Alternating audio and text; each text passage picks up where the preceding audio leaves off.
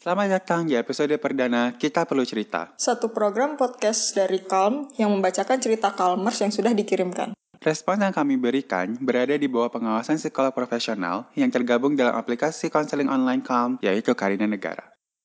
Kali ini, saya Nadia dari Calm. Saya Arfi dari Calm. Mari kita mulai ke cerita pertama. Cerita pertama datang dari Panda Cikupa. Ini hari kedua setelah perpisahan aku dan dia. Kami sudah bersama selama enam setengah tahun. Sudah bahas pernikahan, masa depan, semua hal.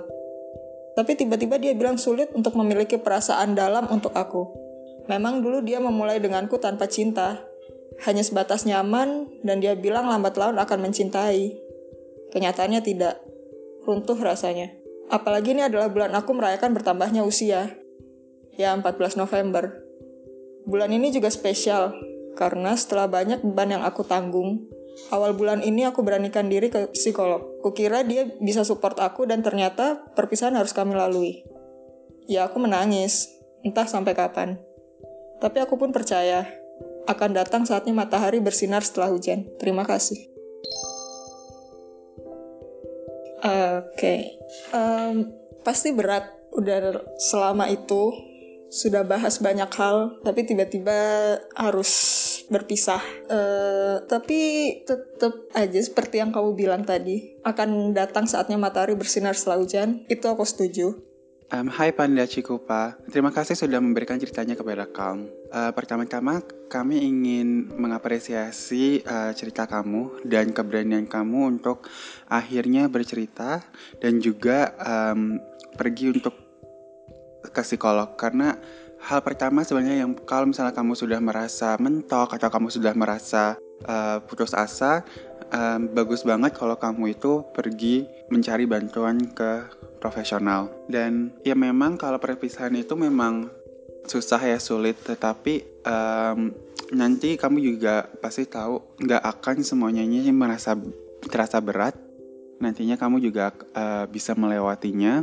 Tapi juga ingat um, kesehatan kamu kesehatan mental kamu itu adalah nomor satu. Jadi um, kalau memangnya jalan terbaik untuk kalian, jalani aja dulu. Ya dan mungkin deng dengan karena kamu sekarang sudah pergi ke profesional, mungkin kayak di situ juga kamu bisa cerita ke psikolog kamu tentang apa yang kamu rasakan saat ini. Jadi pelan-pelan mungkin tidak akan langsung terasa kamu akan langsung merasa lega setelah uh, satu kali pertemuan. Cuman bertahap lambat laun pasti semuanya akan menemukan jawabannya. Dan apabila nanti kamu uh, merasa masih down atau kamu merasa sedih yang berkepanjangan, kamu bisa kok uh, eh, DM ke kami di Calm untuk bercerita lebih banyak mengenai progres kamu day by day. Uh, nanti kami akan selalu mereply cerita-cerita kamu dan bisa membantu kamu untuk melewati masa-masa yang sulit ini. Berikutnya, saya Arfi dari Calm akan membacakan cerita yang sudah dikirimkan oleh Ara kepada kami.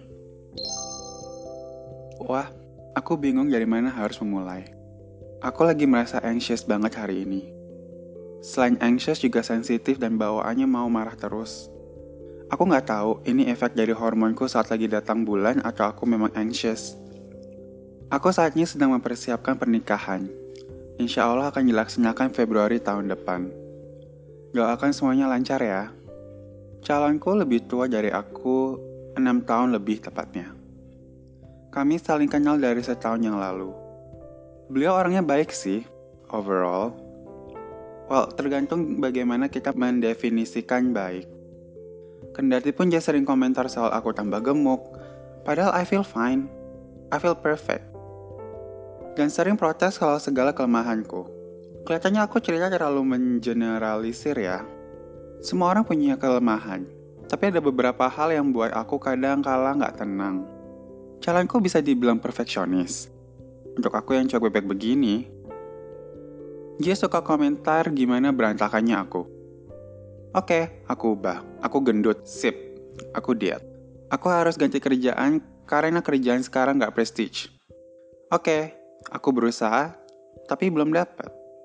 Memang secara pekerjaan, penampilan, dan social skill, aku 180 derajat berkebalikan sama calonku ini. Itu yang sering kali buat aku seolah ngerasa kurang banget buat dia. Dan itu membuat aku takut. Bagaimana kalau kekuranganku ini buat dia nggak betah sama aku, terus malah ngelirik orang lain. Kekhawatiran ini muncul karena aku sering banget dapat cerita tentang perselingkuhan dan poligami. Walau kalau yang lagi hit sekarang cerita layangan putus ya. Dan itu buat aku takut banget. Takut kalau aku akan ditinggal. Kami baru aja berantem semalam. Karena hal sepele sih, aku kayaknya nggak usah cerita detailnya. Tapi paginya udah baikan dan munculaanku membaik. Tetapi semua berubah ketika aku mengabari kalau ikan yang dia kasih ke aku mati. Aku takut banget dia akan ngecap aku nggak becus, teledor, dan lain-lain. Aku takut banget. Mungkin memang salahku. Mungkin akunya juga yang nggak becus ngerawatnya. Mungkin akunya juga yang semalam terlalu sensitif. Aku takut banget. Aku harus gimana? Dan kalau lagi kayak gini, aku malah keinget kalimat-kalimat yang gak enakin yang keluar dari mulut dia tentang aku. Aku harus apa? Well, terima kasih Ara atas ceritanya. Pertama, kamu harus take a break dari percakapan kamu dari semua ini dan kamu harus ngomong sama either orang terdekat kamu yang bukan pacar kamu, baik itu keluarga kamu atau teman dekat kamu, dan um, cerita mengenai apa yang kamu alami, apa yang kamu uh, rasakan. Karena memang gak enak banget ya untuk selalu berasa seperti ini, selalu kamu merasa uh, kurang, kamu selalu, uh, selalu merasa jelek, atau misalnya kamu selalu merasa um, inferior daripada pacar kamu sendiri.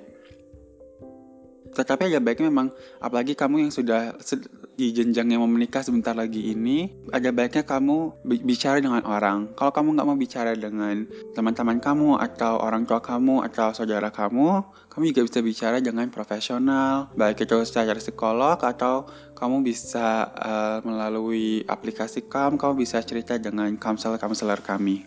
Saya mau nambahin dari tanggapannya Arfi ya benar kayak kata Arfi pasti berat untuk merasa selalu kurang dari dianggap kurang mungkin orang-orang lain. Sementara mungkin kita merasa I'm fine.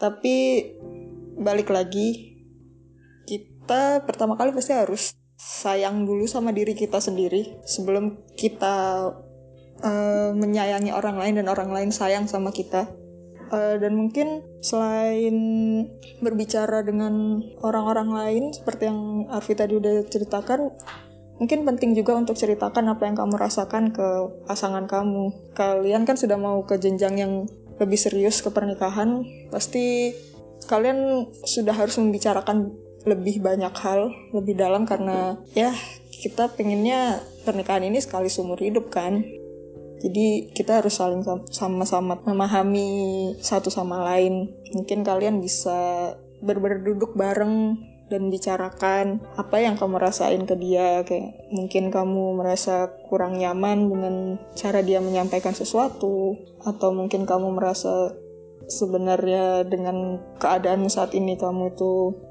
baik-baik saja. Jadi menurut saya kayak dibicarakan lagi dengan pasanganmu. Kalian berdua benar-benar uh, deep conversation lagi berdua dan ya bisa juga meminta bantuan ke psikolog mengenai premarital counseling. Beberapa psikolog sudah eh beberapa tempat sudah meng melayani itu dan kalau misalnya untuk personalnya mungkin saat, uh, bisa ke calm secara online-nya. Jadi kalau dari saya sih itu untuk dibicarakan lebih lanjut ke uh, bersama pasangan untuk langkah selanjutnya gimana. Dan Ara ingat kalau kesehatan mental diri kamu adalah uh, tanggung jawab kamu dan itu yang harus menjadi prioritas kamu. Uh, even though kamu dalam hubungan bersama orang lain, tetap kamu harus bisa menjaga kesehatan mental kamu.